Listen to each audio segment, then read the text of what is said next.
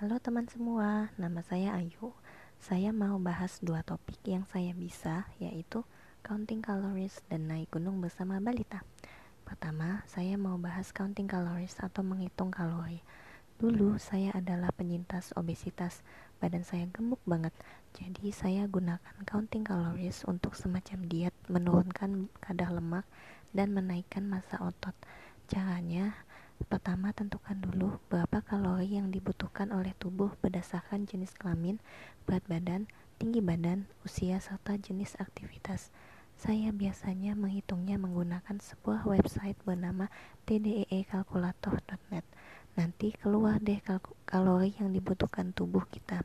Kalau mau nurunin lemak, berarti ambil yang cutting.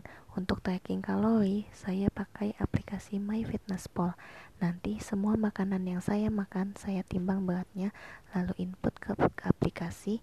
Di situ saya tahu apakah hari ini makanan saya melebihi kalori yang saya tentukan atau tidak. Untuk ya, untuk yang naik gunung, pertama kali saya mengajak anak saya naik gunung waktu dia umur 4 tahun. Gunung pertamanya adalah Gunung Batur. Gunung Batur adalah gunung berapi aktif yang terletak di Kecamatan Kintamani, Bali dengan ketinggian 1717 mdpl dan anakku berhasil mencapai puncaknya tanpa digendong bahkan dia bawa tas backpack sendiri loh. Persiapan yang kami lakukan khusus untuk dia adalah persiapan fisik. Kami memilih olahraga renang untuk melatih fisiknya untuk manajemen logistik, ke awalnya kami agak heboh bawa barang bawaan karena bawa balita. Tahu dong gimana rempongnya bawa balita.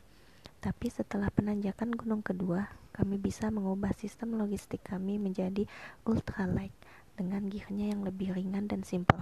Nah, selain kedua topik di atas, saya juga tahu tentang empasi adekuat dengan makronutrisi, olahraga angkat beban yang masih basic, prenatal exercise, serba-serbi kehamilan, serba-serbi homeschooling, dan sistem pemrograman Cisco Networking.